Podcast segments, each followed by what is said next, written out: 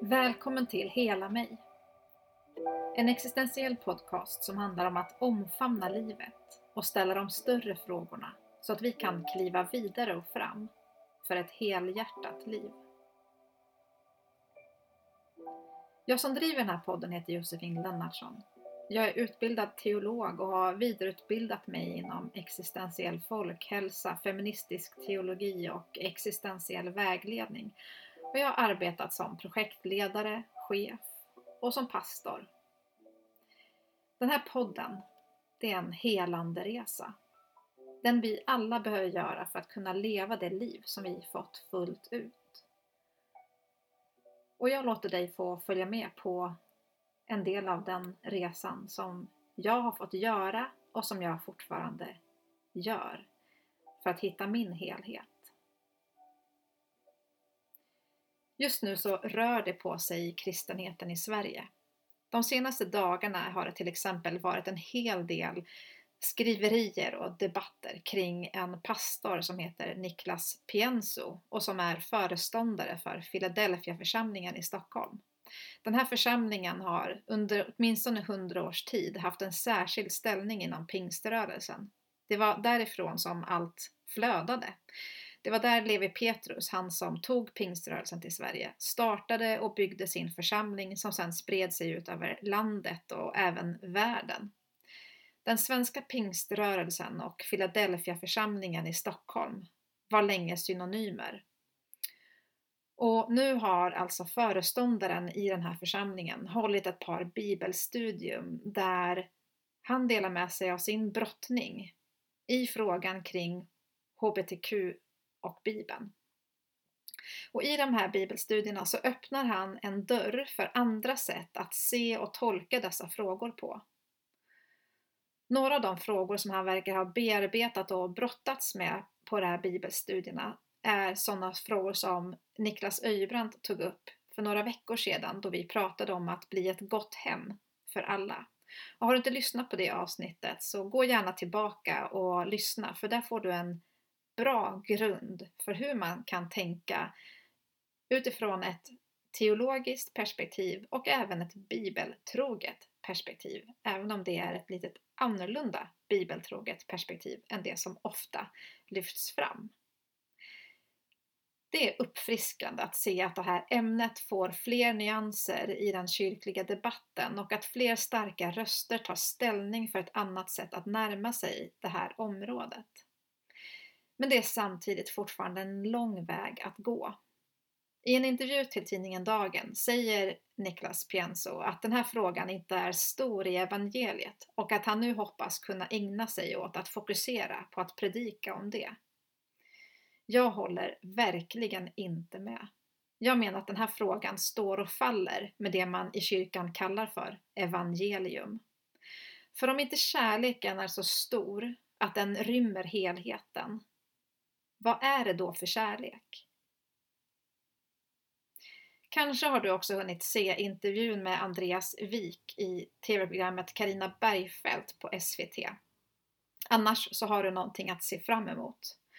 På bästa sändningstid så fick vi se Evangelium men också den mörka sanningen om hur det är för många att växa upp i frikyrkan och kanske särskilt den mer karismatiska delen av frikyrkan där pingströrelsen som både jag och Andreas vuxit upp i finns.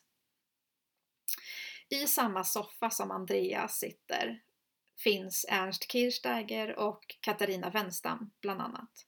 Och deras miner säger allt när Andreas berättar om hur det var för honom att inse att han var homosexuell och vilken ångest det skapade i honom som pastorsbarn. Han berättade att det har varit en lång resa för honom att dela detta med andra människor. Och jag tycker att Katarina Wenstams kommentar säger allt. Det är nu du är fri. Det här är fjärde avsnittet då jag ger ett särskilt utrymme för HBTQ-perspektivet, om vi nu vill kalla det så, med allt vad det har inneburit för mig och de som jag bjudit in som gäster. Och idag ska du få höra fortsättningen på mitt och Robins samtal där vi talar om hur det har varit att växa upp i frikyrkan, vad det gör med den att bryta mot normen och om en kärlek som är större än allt. Kriser och utmaningar i livet ställer saker på sin spets och hjälper oss att se livets yttersta konturer. Det hjälper oss att justera riktningen så att vi kan leva mer i linje med våra inre värderingar och den längtan som vi har. Det är också en viktig funktion som tron har för oss människor. Och jag tycker att det blir så tydligt i samtalet med Robin att det är så tron har fungerat, också i det här fallet. På många sätt har tron på en god och kärleksfull Gud varit det som har fått oss att överleva och ta oss igenom många av de svårigheter som vi fått på grund av kyrkan. Hur knäppt är inte det? Men hur som helst, kyrkan gav oss en tro och ett språk. Kanske är det nu dags att vi också får använda det på allvar och skriva en ny historia. Robin Paulonen är förbundsordförande i föreningen Eko men arbetar också med mänskliga rättigheter på Länsstyrelsen idag. Det har varit en glädje att samtala om dessa frågor med Robin och det blir säkert fler tillfällen framöver. Så välkommen till ett samtal mellan mig och Robin om att stå upp för tron på kärleken, att bygga broar och att hitta balansen för ett helare liv.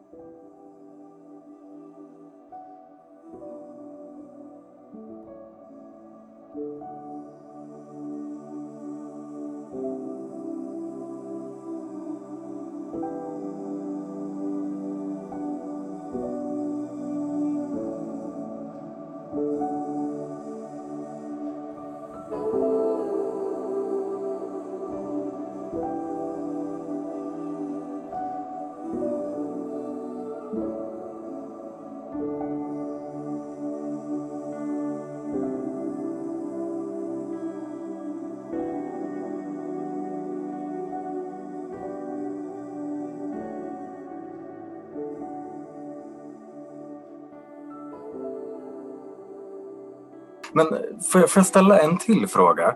Ja. När, när det var så att du liksom upptäckte de här patriarkala och de koloniala liksom strukturerna som kristendomen ändå har verkligen eh, utan att ha tagit ansvar eller bett om ursäkt för ännu. Eh, mm.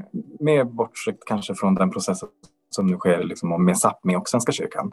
Men alltså, vad hände med att den insikten när du stod där med alla de här pusselbitarna och allting är så här klirr? Alltså det känns mm. som att det, det måste nästan ha låtit ett krasch. Vad hände med tron?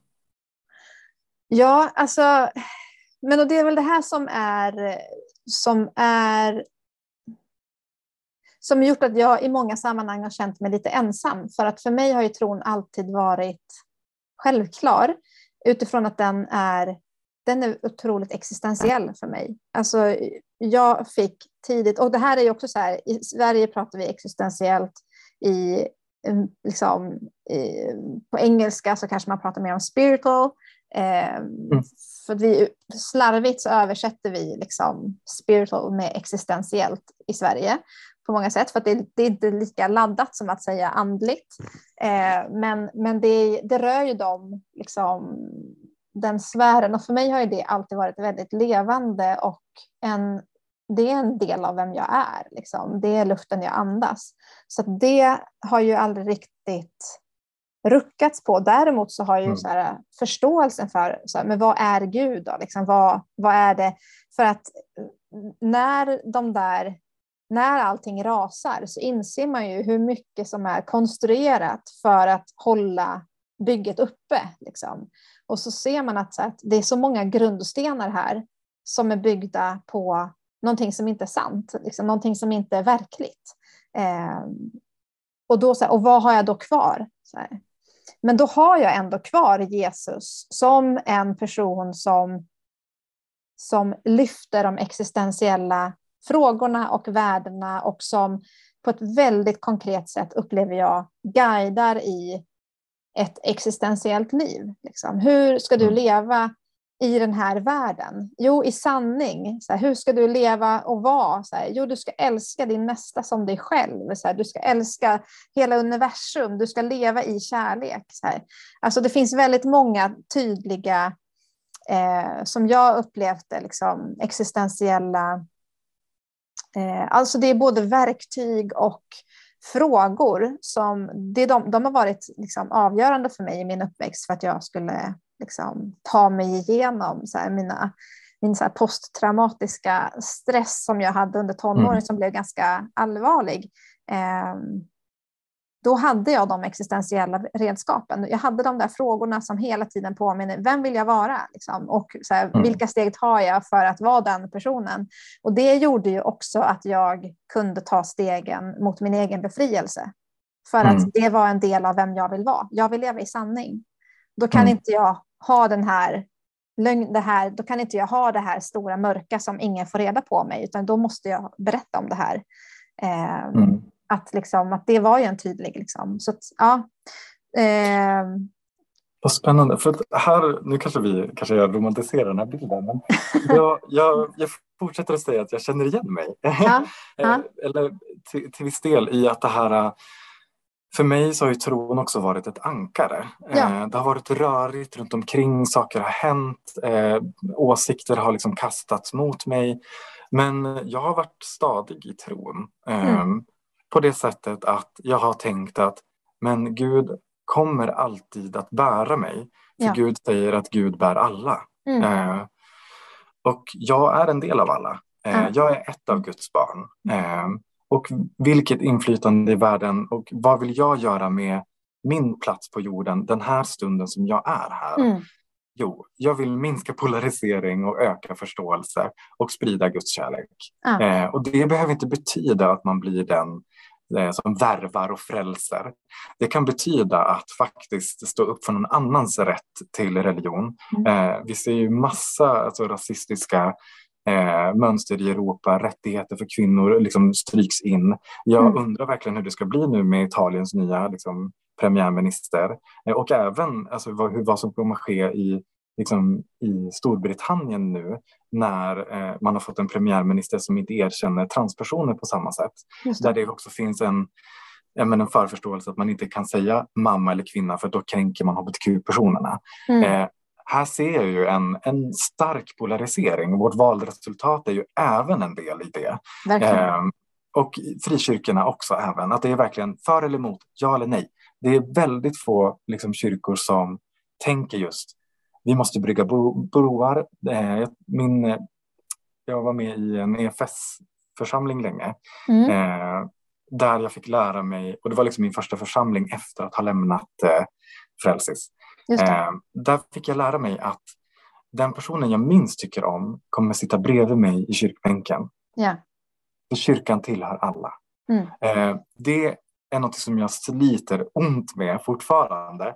Men det finns en värdefull poäng. Jag kommer aldrig kunna tvinga någon att eh, göra eller tycka som jag. Nej. Men jag kommer att kunna hålla vår tro och det vi har gemensamt, vårt samhälle, mm. eh, tillsammans. Vi behöver finnas där, vi behöver göra det här tillsammans.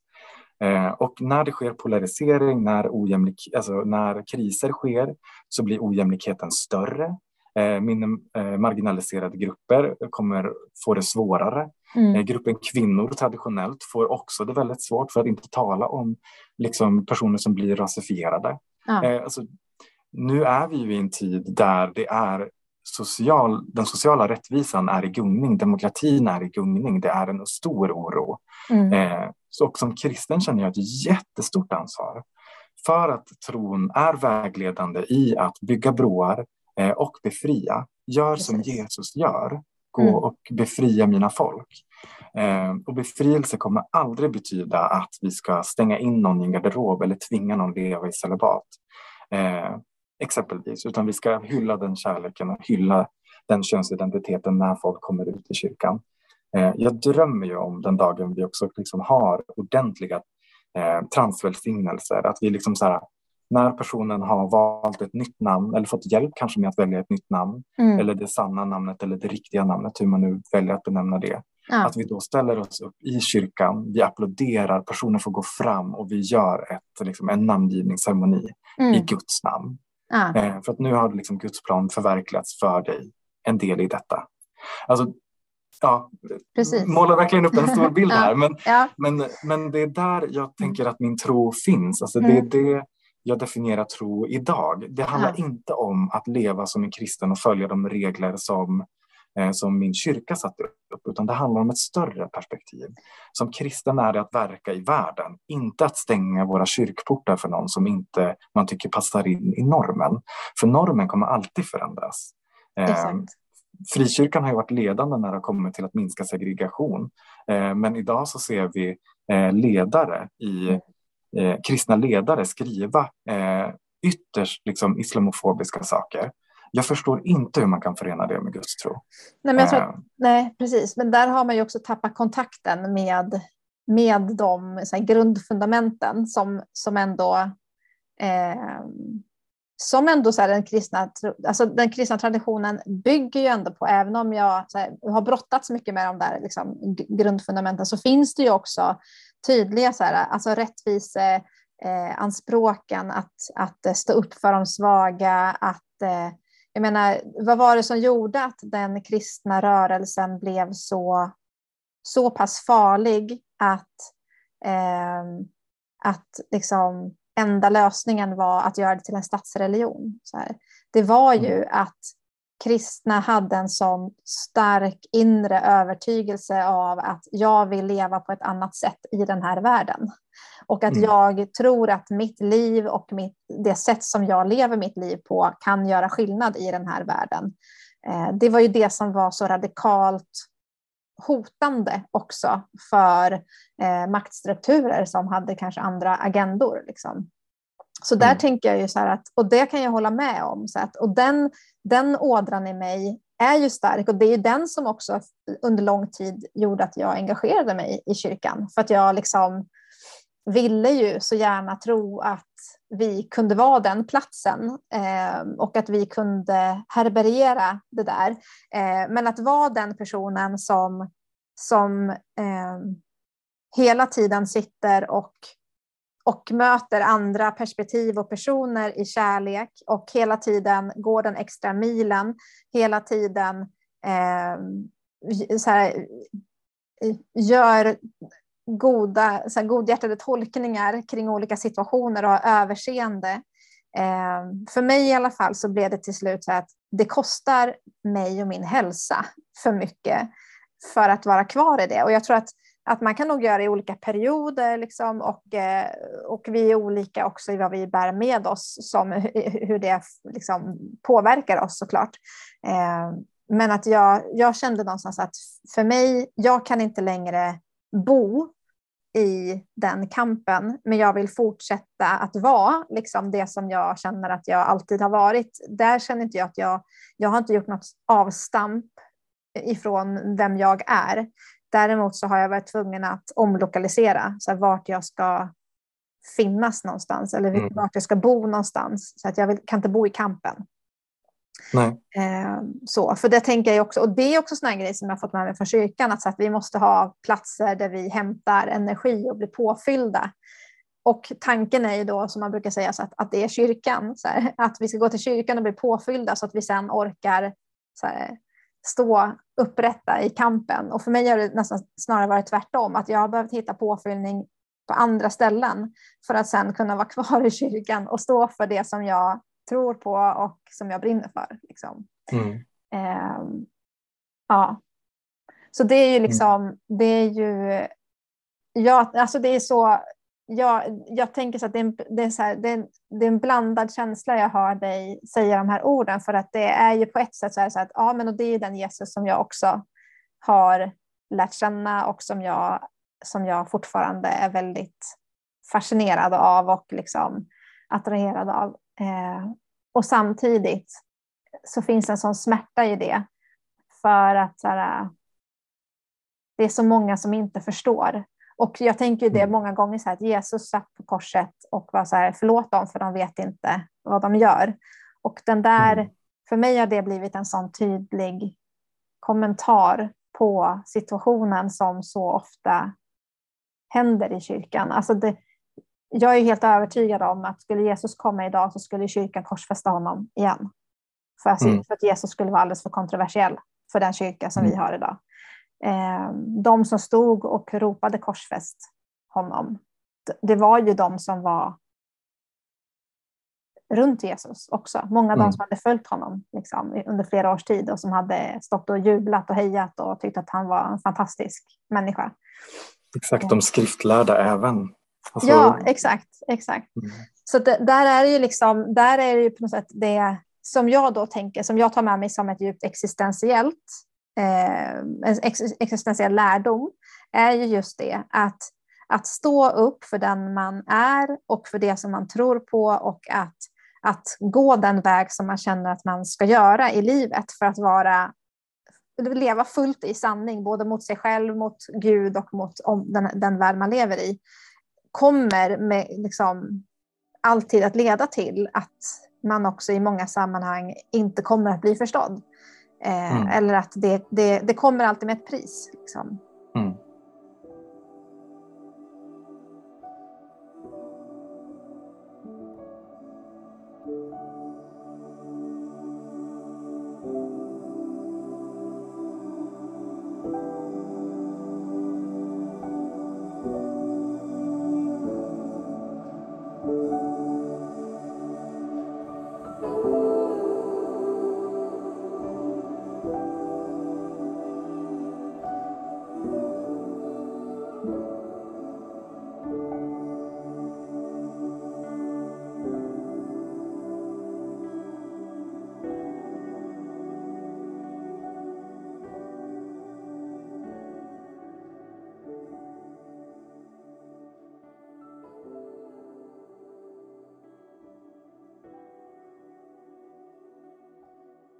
Eh, och det var, jag tänker ju så att det var det Jesus pratade om. Liksom. Och utifrån det så tänker jag att så, här, så kan jag ju ännu mycket mer känna släktskap med din berättelse eh, och din resa och hur du också väljer att, att finnas kvar.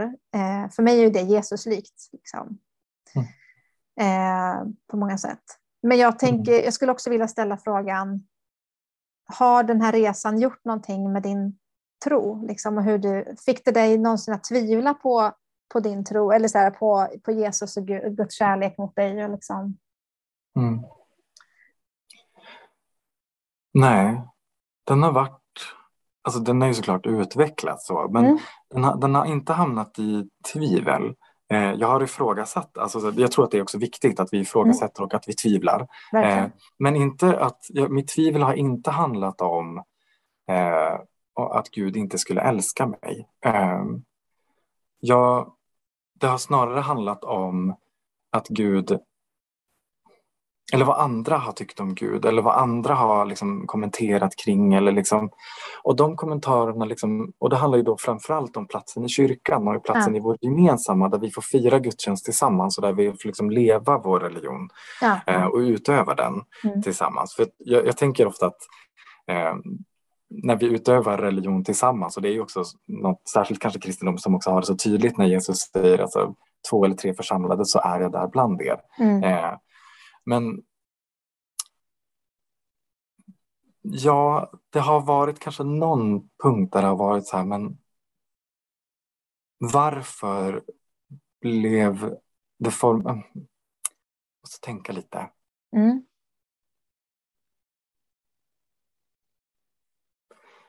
Jag har inte tvivlat på att Gud någonsin skulle inte ha älskat mig eller så. Alltså, jag tänker att det är självklart att jag är ett av Guds barn. Det har varit tydligt liksom, sen jag förstod vad kristendomen var. Eh, och för mig, som sagt, tro är ju väldigt mycket förkop alltså kopplat med den här sociala rättvisan. Men det är också en plats för lugn och eh, frid och en, ett, eh, en, en väldigt stor kärlek. Eh, mm. Och när det stormade som mest så var det ju i bön jag oftast var. Alltså inte så att jag slängde mig ner på, framför ett kors eller byggde mig en liten bönepall eller så. Eh, och aldrig så liksom martyrigt, eh, för det har jag nog haft svårt för. Men för jag ser ju tron som någonting djupt privat eh, och hur vi utövar den eh, också djupt privat. Mm. Men när det stormade mycket så, så började jag be ännu mer. Eh, och det har ju varit böner som också har bestått av att jag har rabblat namn på människor som jag vet älskar mig. Eh, mm. För att jag tänker att Gud verkar ju genom oss alla. Eh, och det är ju än idag när, jag, när det blir liksom stressigt i eller svårt eller jag känner mig osäker. Så tänker jag på alla de som har gått före. Eh, jag tar med mig dem in i det rummet. Eh, mm. Jag tar med mig alla de som säger att de har älskat mig eller om det är någon som har hälsat trevligt en gång på gatan så tänker jag på det ansiktet och tar med mig det in. Så att jag aldrig går in själv i de här rummen där det finns konflikter. För vi behöver ju vara väldigt tydliga eh, på samma sätt som jag upplever att min tro har varit tydlig. Ja. Eh, det, det, har inte funnits tvivel. Eh, det har inte funnits tvivel på att jag inte hör hemma i kyrkan. Eh, men tvivel på uppgiften att stanna kvar i kyrkan. Är det kallet som Gud har gett mig? Mm. Där, där kan vi diskutera, för här vet jag fortfarande inte om det är värt det. Nej. Är det värt den här kampen? Eh, personligen så kan jag ofta ibland tycka att det inte är det. Mm. Men för, för de andra Eh, mm. för de som kommer sen och för den kyrka som jag vill finnas. Och det ansvaret känner jag ändå att jag bottnar i. Mm. Så tvivlet i tro, mm, men däremot tvivlet i uppgiften kanske. Eh, och nu vet jag inte riktigt om uppgiften är den, men mm. om vi ponerar att den är det, så, så tänker jag nog att den uppgiften kommer alltid att vara för stor för mig och jag kommer aldrig lyckas själv. Så jag tror att Gud får hjälpa mig, men också att vi som eller vad ska man säga, kollektiv också kan göra saker tillsammans. Eh, och den här erfarenheten har ju stärkt min tro. Eh, mm.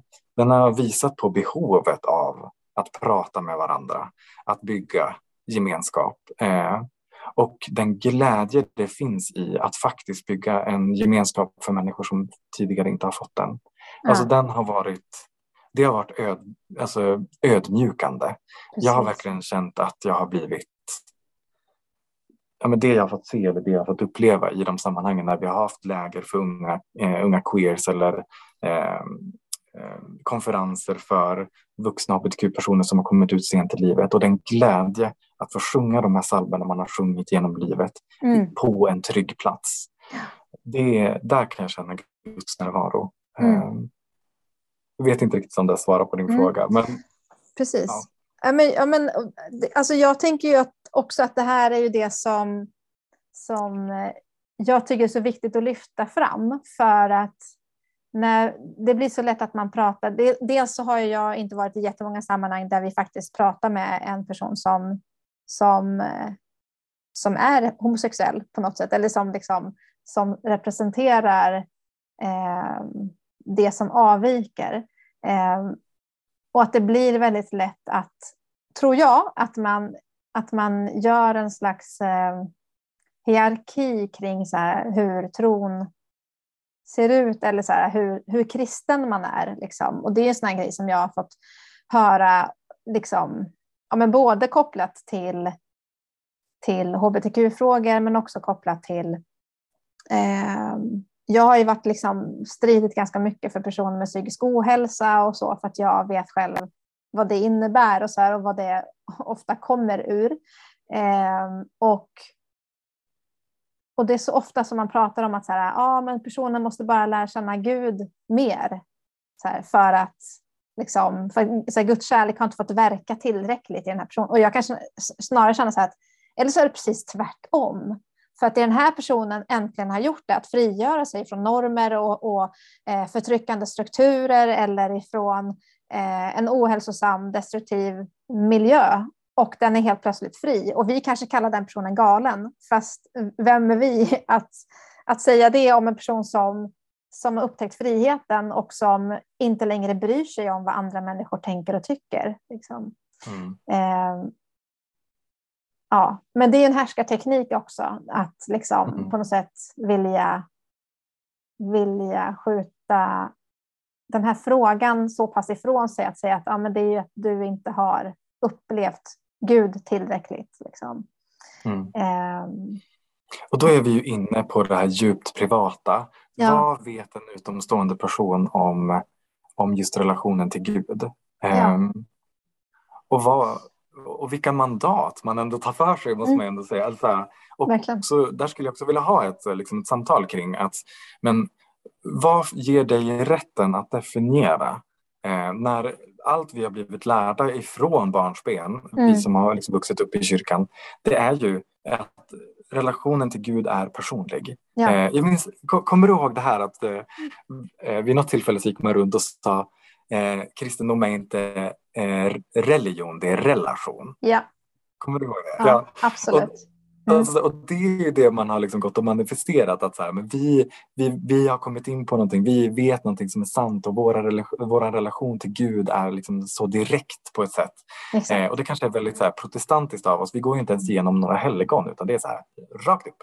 Ja. Eh, men och sen, och sen i nästa andetag säga det där att så här, men mm. nej, du har nog inte mött Guds kärlek, du har nog inte förstått på djupet. Och att då aktivt se hur de här personerna planterar en osäkerhet i, Exakt. i andra människor. Och att så här, jag som är nära Gud ser ju i dig. Mm. Jag ser, jag, jag, känner i anden. Mm. Eh, anden talar till mig nu. Eh, och så vidare. Exakt. Eh, jag fick rådet att en gång eh, i själavårdssamtal, eh, då fick jag rådet, du ska inte tänka så mycket. Nej, spännande. Men, jag bara, men vad, vad betyder det? Alltså, Gud har ändå gett mig den här hjärnan också, att det, det ska vara okej okay att utforska. Mm. Ja, fast sen finns det tankar man inte bara ska tänka. Man, man behöver inte tänka dem. Ja, fast jag kan ju inte stoppa, eller så, jag kan ju avbryta tankar men det är svårt att stoppa dem. Eller så när de kommer så kanske man ska, nej du ska bara inte tänka så mycket. Tänk inte på det där. Släpp det, släpp det, släpp det. Ja. Men, ja, okej. Okay. Ja, men, och det, här har varit, det här är en av de här, som har varit stora. Sen jag gick då i terapi som 24-åring så har det här varit en av mina, liksom, att eh, man är så otroligt obildad när det kommer till psykologi. Mm. Och jag menar, det där som du vittnar, som du berättar om, det är ju, det är ju alltså, ja, alltså det är ju farligt. Liksom. Det är ett farligt råd. Att vi ska mm. ignorera och förtrycka tankar och känslor som vi har. Liksom. Sen är det såklart att inte alla tankar och känslor är sanning. Liksom. Att, så här, de, de bär alltid på någonting som vi behöver lyssna till. Men det, det, behöver inte vara hela sanningen. Det behöver inte vara så att bara för att jag känner så här så är det så här. Eh, men det är en helt annan sak.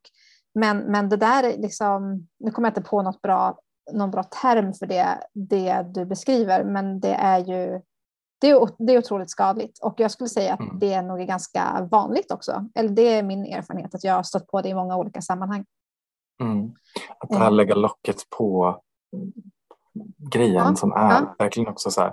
Men om vi också så här, i själavård också ska ha ett öppet samtal och kunna motarbeta men vi säger typ internaliserad homofobi eller bara så en väldigt kass självbild, mm. då måste vi också få ventilera. Så här, när, men när de här tankarna kommer om att jag känner mig dålig, då måste vi ju ha någon som också vågar utmana de tankarna. Ja, Men varför säger du så? Varför känner du så? Jag ser det här hos dig, berätta. Nu, nu djupdyker vi i det här. Men att hela tiden lägga locket på eller det är ju inte att heller möta eller ge det man säger att man ska göra. Eh, och då blir ju traditionen själavård eller den liksom den praktiken vara farlig eh, med tanke Verkligen. på att det blir något där man också stänger locket eh, och eh, nervtrådarna och eh, hjärnans alla små liksom, eh, beståndsdelar helt enkelt mm. viker sig och vi kan inte liksom, utvecklas fullt ut.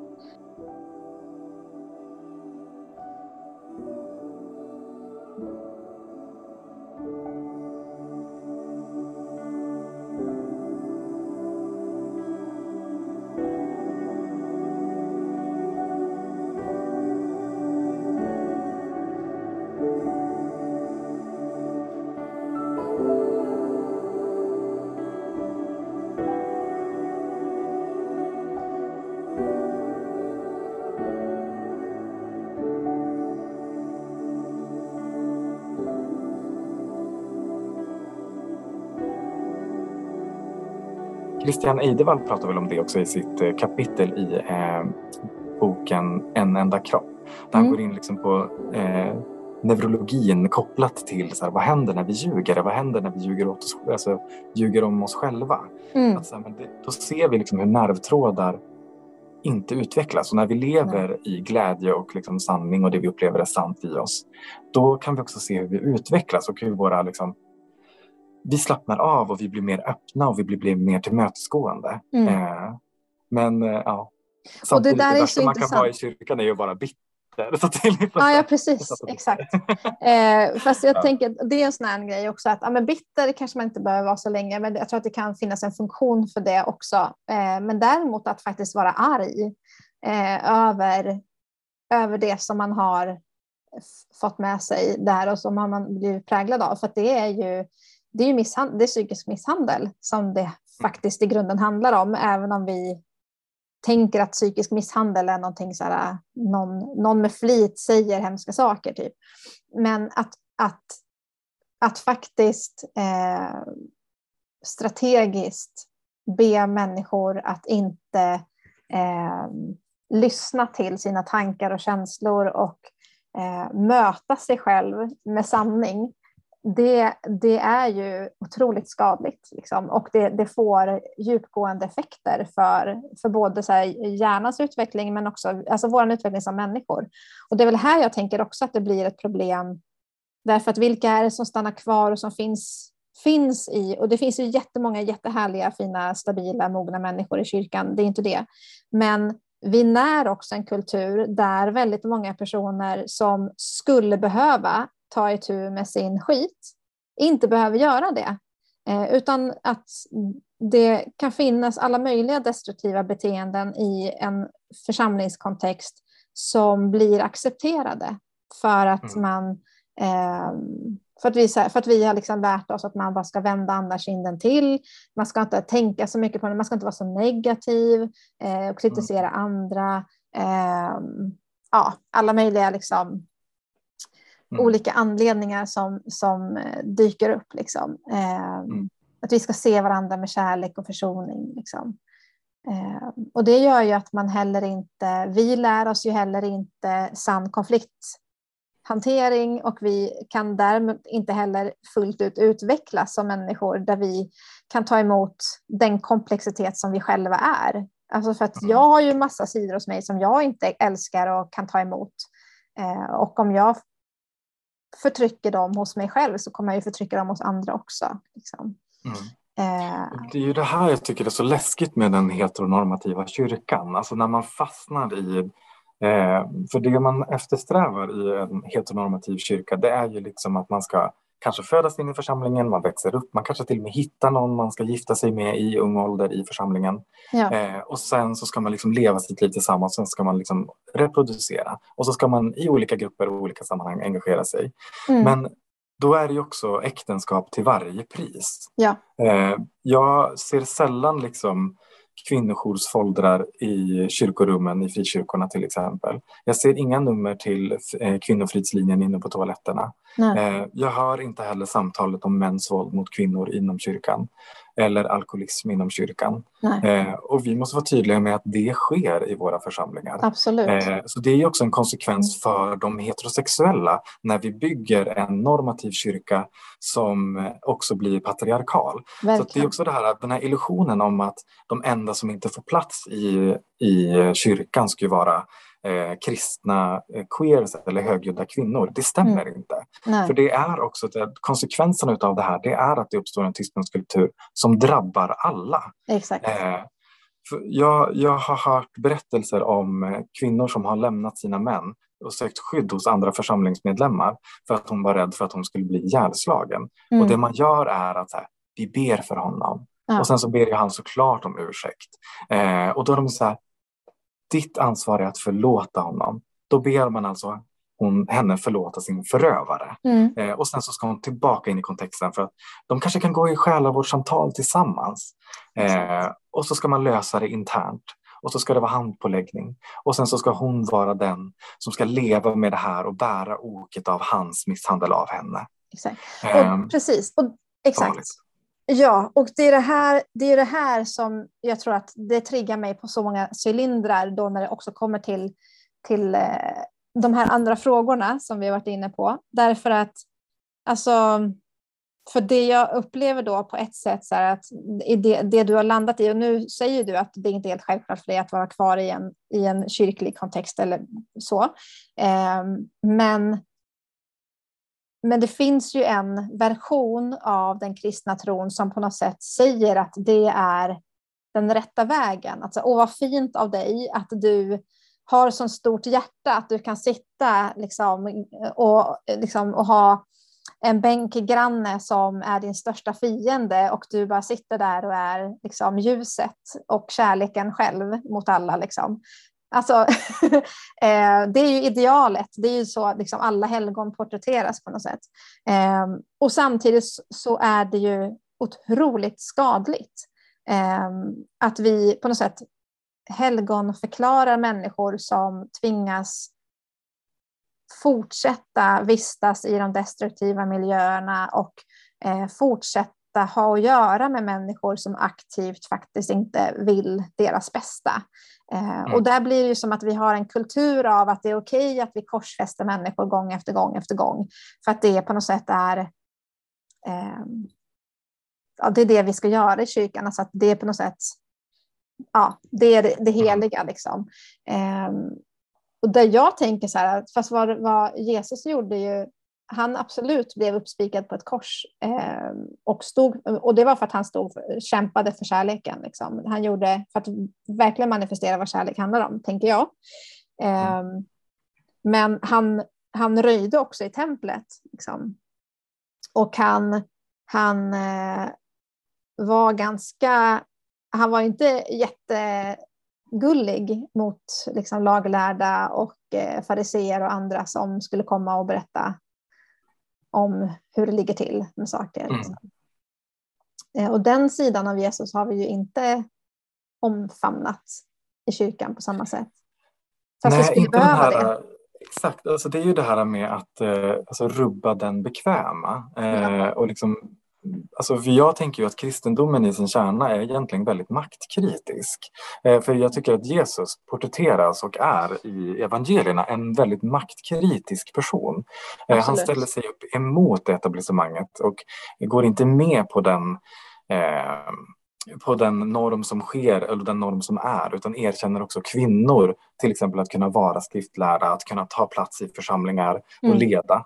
Mm det är viktigt. Och det, jag tänker också att det finns ju en fantastiskt rolig podd som heter Jesus feministpodden. Ja. Eh, som ibland, eh, eller som också tar upp det här som Jesus som feminist. Och skulle Jesus kunna då vara den första feministen? Och så har man en diskussion kring det. Eh, och några av de poänger som lyfts där tycker jag är bra. Att så här, mm. Den maktkritik som, som kristendomen bär med sig, det är någonting som vi behöver. Mm. Eh, för det kommer alltid, vi behöver utmana makten och vi behöver se till att flera tar sig in.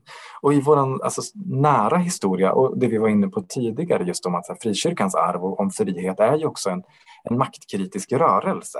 Ja. Vi håller inte med om hur statskyrkan eh, behandlar oss. Vi vill någonting mer. Baptisterna mm. är ju också ett väldigt bra eh, liksom exempel när det kommer till att organisera sig och att ge kvinnor framträdande roller och att vara Verkligen. den här normkreativa röran av människor som gör. Mm. Eh, men jag håller också med dig om att men att eh, det är orimliga förväntningar att mm. jag till exempel ska sitta bredvid någon som inte vill erkänna min existens. Eh, ja. För det är också det det handlar om. Mm. När vi är emot hbtq-personer när vi inte er person, erkänner människor och äktenskap och kärlek och identitet på samma sätt som vi erkänner eh, de heterosexuella mm. så är vi ju inne på väldigt farliga vatten för plötsligt är vi inne på en ojämlikhet och det är därför det kommer alltid vara svårt om vi har en, eh, en om vi fortsätter att bygga in ojämlikheten och eh, bara fokusera på den heterosexuella matrisen i, i våra församlingar. Precis. Det kommer att ge skadliga konsekvenser och du kommer också, du, det är oundvikligt. Det mm. blir en fråga om Guds syn, det blir en fråga om människosyn. Ja. Eh, och där vi står och säger att vi vill ha samma erkännande som du. Mm. Eh, vi ger dig det erkännandet. Eh, och du kan inte ta ifrån det erkännandet från oss. Så det är också den tydligheten. Alltså så här, hur kan vi vara tydliga med att här står vi. Eh, som eniga kristna queers och allierade och andra liktänkande eh, som delar teologi och fundamentet att Gud älskar oss och att Gud vill vårt bästa. Mm. som att Gud vill allas vårt bästa. Eh, kontra till att vi då också ska försöka samköra med personer som inte erkänner oss i den utsträckningen. Exakt. Och här har ju ledare varit otroligt tysta. Mm. Alltså, jag väntar fortfarande på den dialogen inom Pingstkyrkan. Eh, jag väntar fortfarande på dialogen inom EFK som mm. nu börjar ske lite grann. Mm. Ekumenia har också börjat liksom lyfta upp och kommit eh, kanske lite längre. Men hur ser det ut inom svenska, eh, eller svenska eh, missionsrörelserna, eh, alliansmissionen mm. eh, och alla de andra. Vi, vi, såg också att oasrörelsen liksom bjuder in till dialog om eh, samkönade vigslar och vill liksom göra en skrivelse till att liksom bevara den heterosexuell. Det är ju också, utan att bjuda in rättighetsinnehavare, utan att bjuda in en röst som också vill bejaka eh, samkönade vigslar till exempel. Ja. Det finns inget samtal, det finns ingen plattform där vi kan liksom kroka arm eh, och sitta bredvid varandra och diskutera. Det är svartvitt, det är liksom ja eller nej. Exakt, men jag tänker att det är för att man är rädd för eh i grund och botten så tänker jag att det handlar om att man kanske någonstans inser att den tro vi har byggt är byggt på sandstrand och skulle vi lyssna in andra perspektiv så kommer allting att rasa. Eh, och det, det har vi inte råd med. Liksom. Och därför så, det gör ont. Det gör otroligt ont, för man är beredd att offra väldigt många människor.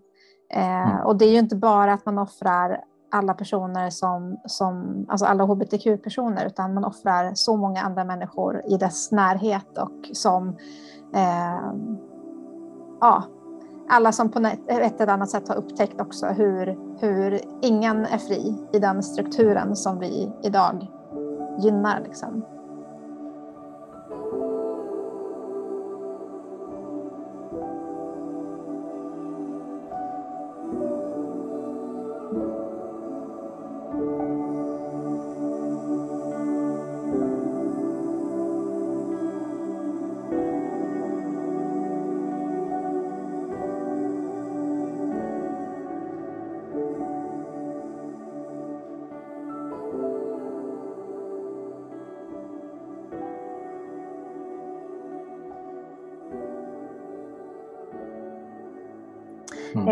Och där vi ska börja på här tror jag och runda av det här samtalet. Men, men vi, det. det känns som att vi har hur mycket som helst att prata om så vi kan hålla på hur länge, hur länge som helst också.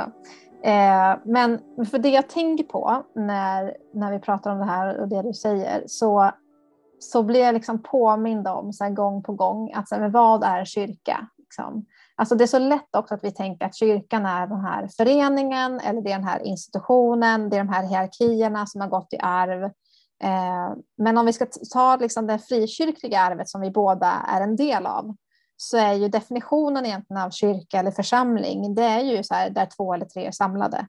Eh, mm. och att så här, egentligen, eh, om man nu ska så här, hitta en annan väg att gå, så kanske vägen är att starta en egen kyrka, ett eget samfund Eh, Ehm, att Jesus säger ju själv så att man kan inte hälla nytt vin i gamla vinsäckar. Så att, nej, men då kanske det är dags för det här nya vinet att skaffa sig de nya vinsäckarna så att det kan härbärgeras på ett, ett bra sätt.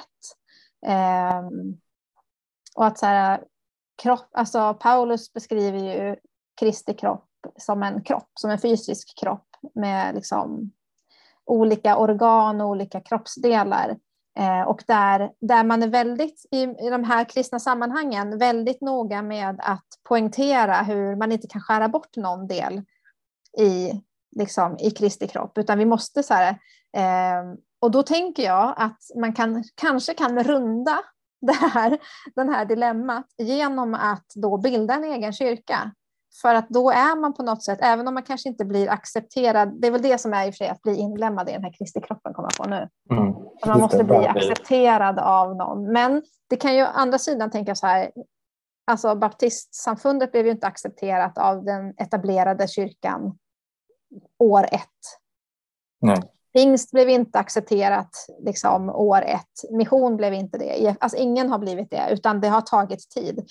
Men man klev mm. ändå ut och startade någonting nytt för att man trodde att det här är vägen att gå. Liksom. Mm. Eh, ja. Och att rätt vad det är så var man inlämnad i kroppen. Mm. Liksom. Och att det, det kanske är så med det här också. Liksom. Bara man mm. vågar faktiskt kliva fram och eh, tro på eller så här, göra sin grej. Liksom. Mm.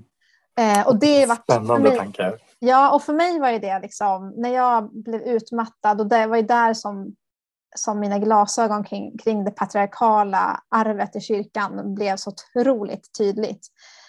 Och då var det som att så här, det enda jag på något sätt hörde liksom, i mitt inre, när jag var så här, liksom har gått runt och, och tänkt att jag ska få ett okej okay ifrån kyrkan, ifrån kyrkliga ledare. Och så var det som att Jesus bara, men jag står här och säger okej, okay, liksom. det är okej, okay, kör, så här, kör, bara kör. Liksom. Eh, mm. och då tänker jag att, att eh, den Jesus som jag tror på i alla fall och som jag här, ser står där och säger det, liksom, kör. Så här, jag säger okej, okay, liksom. vem, vem finns det mer som man behöver ha godkänt ifrån för att, för att bygga den kyrka som man tror på? Liksom. Mm. Eh, istället för att vara kvar i en kyrka som tar död på en. Liksom. Mm. Mm. Jag, jag tycker det låter jättespännande och om det är så att eh, du går i de här tankarna så hör av dig när det blir dags. ja, precis. Konspirera men, eh, ihop något. Mm. Exakt, men, mm. men jag tänker mycket på det här och det är därför jag mm. tycker till exempel att Riksförbundet Eko har varit så otroligt viktigt. Ja. För vi har ju varit en hamn för kristna hbtq-personer och allierade, mm. eh, nära vänner eller personer som bara står i de här frågorna. Eh, vi har ju liksom blivit en, utan att vara det, och vi är väldigt tydliga med, vi är ingen församlingsgemenskap, men mm. vi är en församlingsgemenskap i vår kultur. Eh, det, det, är ett otroligt mycket omvårdnad och liksom liv som mm. vi delar i att försöka hitta tillbaka till det man kanske ursprungligen var eh, eller försöka hitta någonting nytt och att få känna igen sig i varandras berättelser. Ah, eh, och den kyrkan eller det sammanhanget är jag otroligt stolt över och otroligt ödmjuk eh, inför. Eh, för att jag vet att det är så pass unikt. Eh, mm.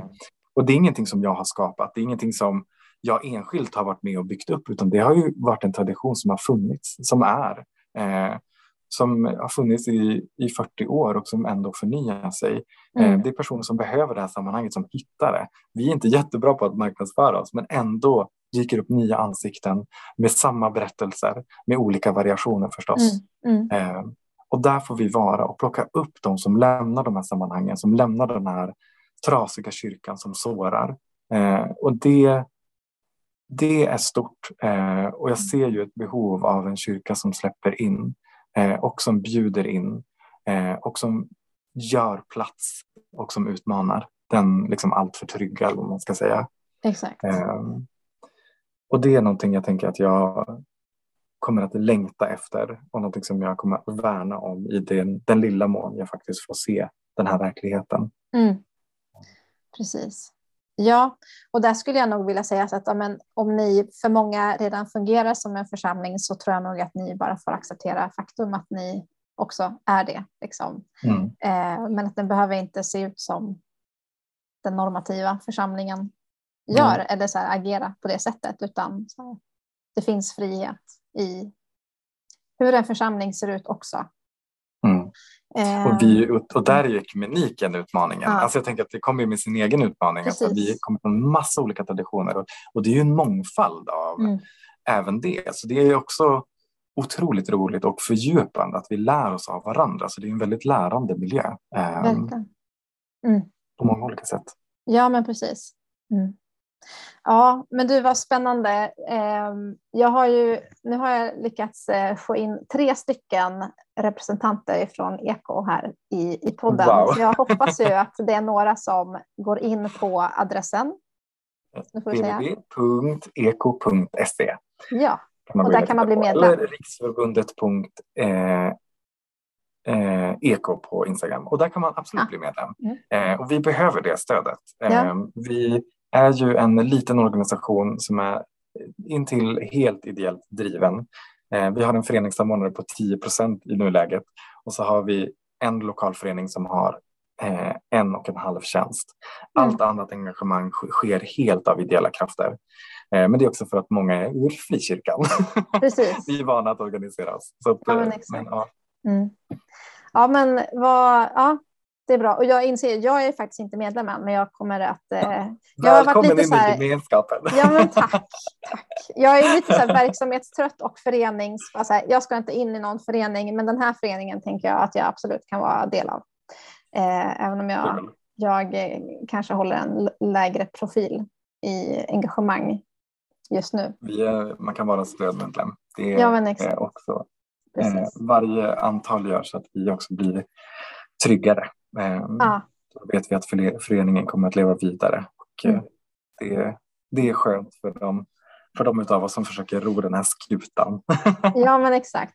Och jag tänker så här, jag vill bara så här, en sista grej som jag tyckte var väldigt stor och som jag tar med mig. För att jag, jag hade inte det verktyget. Jag hade önskat att jag hade haft det. För det, det är helt fantastiskt hur du har, mitt i allt det tunga som, som du har gått igenom med liksom hur, ja, men den resa du har gjort i kyrkan. Eh, att du ändå hade ett verktyg där både Gud och andra kärleksfulla människor kunde bjudas in i ditt bönens rum och där vara med och prägla ytterst sett din självbild.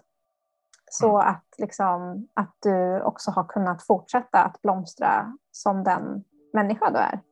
Eh, och det så här, ja, men jag är superimponerad av det. Mm. Att du har haft det och att du har kunnat göra det. Och jag, eh, jag ser ju, vi har ju fått se på varandra det här samtalet. Ja.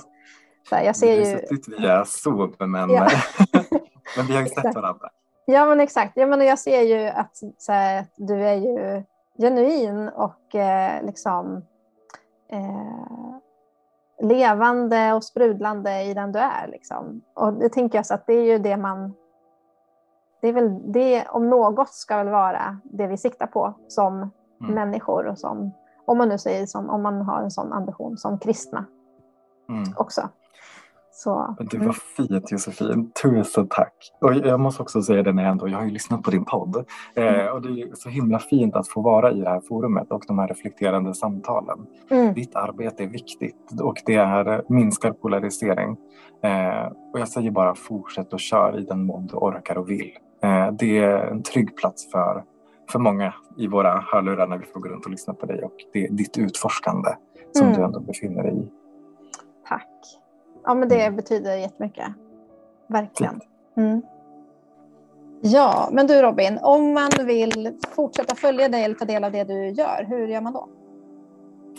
Um, då kanske man kan göra det genom egentligen Riksförbundets Instagram eh, som är riksförbundet.eko på Instagram. Men om man vill följa med mig på lite mer så alldagliga upptag och lite mer spontana texter då kan man göra det på min Instagram som heter Torftig.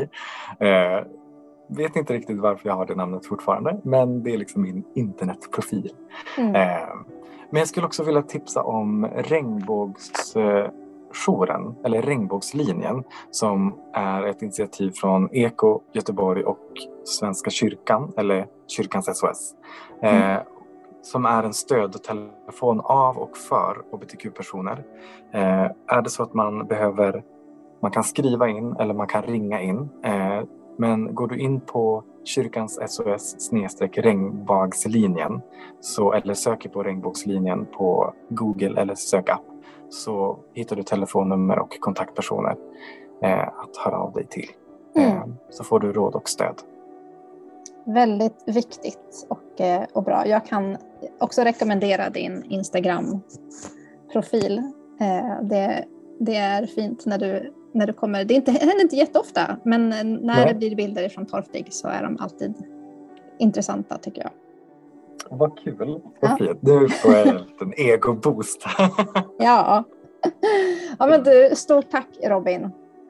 Men tusen tack för att jag fick eh, komma och besöka dig och jag hoppas på att vi ses fler gånger. Ja, det kommer vi göra. Du har lyssnat på Hela mig, en existentiell podcast och ett samtal mellan mig och Robin Paulonen om att stå upp för tron på kärleken, att bygga broar och att hitta balansen för ett helare liv. Det finns flera sätt som du kan vara med och göra skillnad i den här frågan eller andra frågor som är viktiga för dig. Precis som Robin säger så gör det mycket att få allierade som tar ställning och som står bredvid. Det är ett enkelt och effektivt sätt att göra skillnad för någon annan. Bli medlem i föreningen Eko eller börja åtminstone att följa dem i deras kanaler på Instagram och Facebook som ett första steg. Att dela vad du tänker och tror i frågor är ett annat viktigt sätt att ta ställning som inte bara gör skillnad för dem runt dig. Det gör skillnad också för dig. När du tar ställning och agerar utifrån en värdering eller övertygelse som du har så stärks dina existentiella resurser. Du blir tryggare i vem du vill vara i den här världen och hur du vill agera. Dina muskler, dina inre muskler för att stå upp för dig själv blir starkare kan man säga. Så det är inte helt obetydligt att visa vad just du tänker och tycker i olika frågor, utan det stärker din existentiella hälsa. Om du gillar det som du hör i den här podcasten så får du också gärna stötta mitt arbete genom att prenumerera på podden, betygsätta den i den poddapp som du har och lyssnar på, eh, eller följa podden på sociala medier. Det gör att den blir mer synlig och lättare att hitta för andra. Du får också gärna höra av dig till mig med dina tankar, reflektioner och reaktioner på det som du har hört. Det är så roligt att få kontakt med dig som lyssnar och se hur de här ämnena landar i just din verklighet. Jag tror att vi växer när vi kan mötas som människor och dela med oss av det som betyder något. Och det är en av de roliga delarna med att få ha den här podden. Att också få ta del av vad du som lyssnar tänker och, och vad som väcks i dig av det som du har hört. Stort tack för att du har lyssnat till det här avsnittet.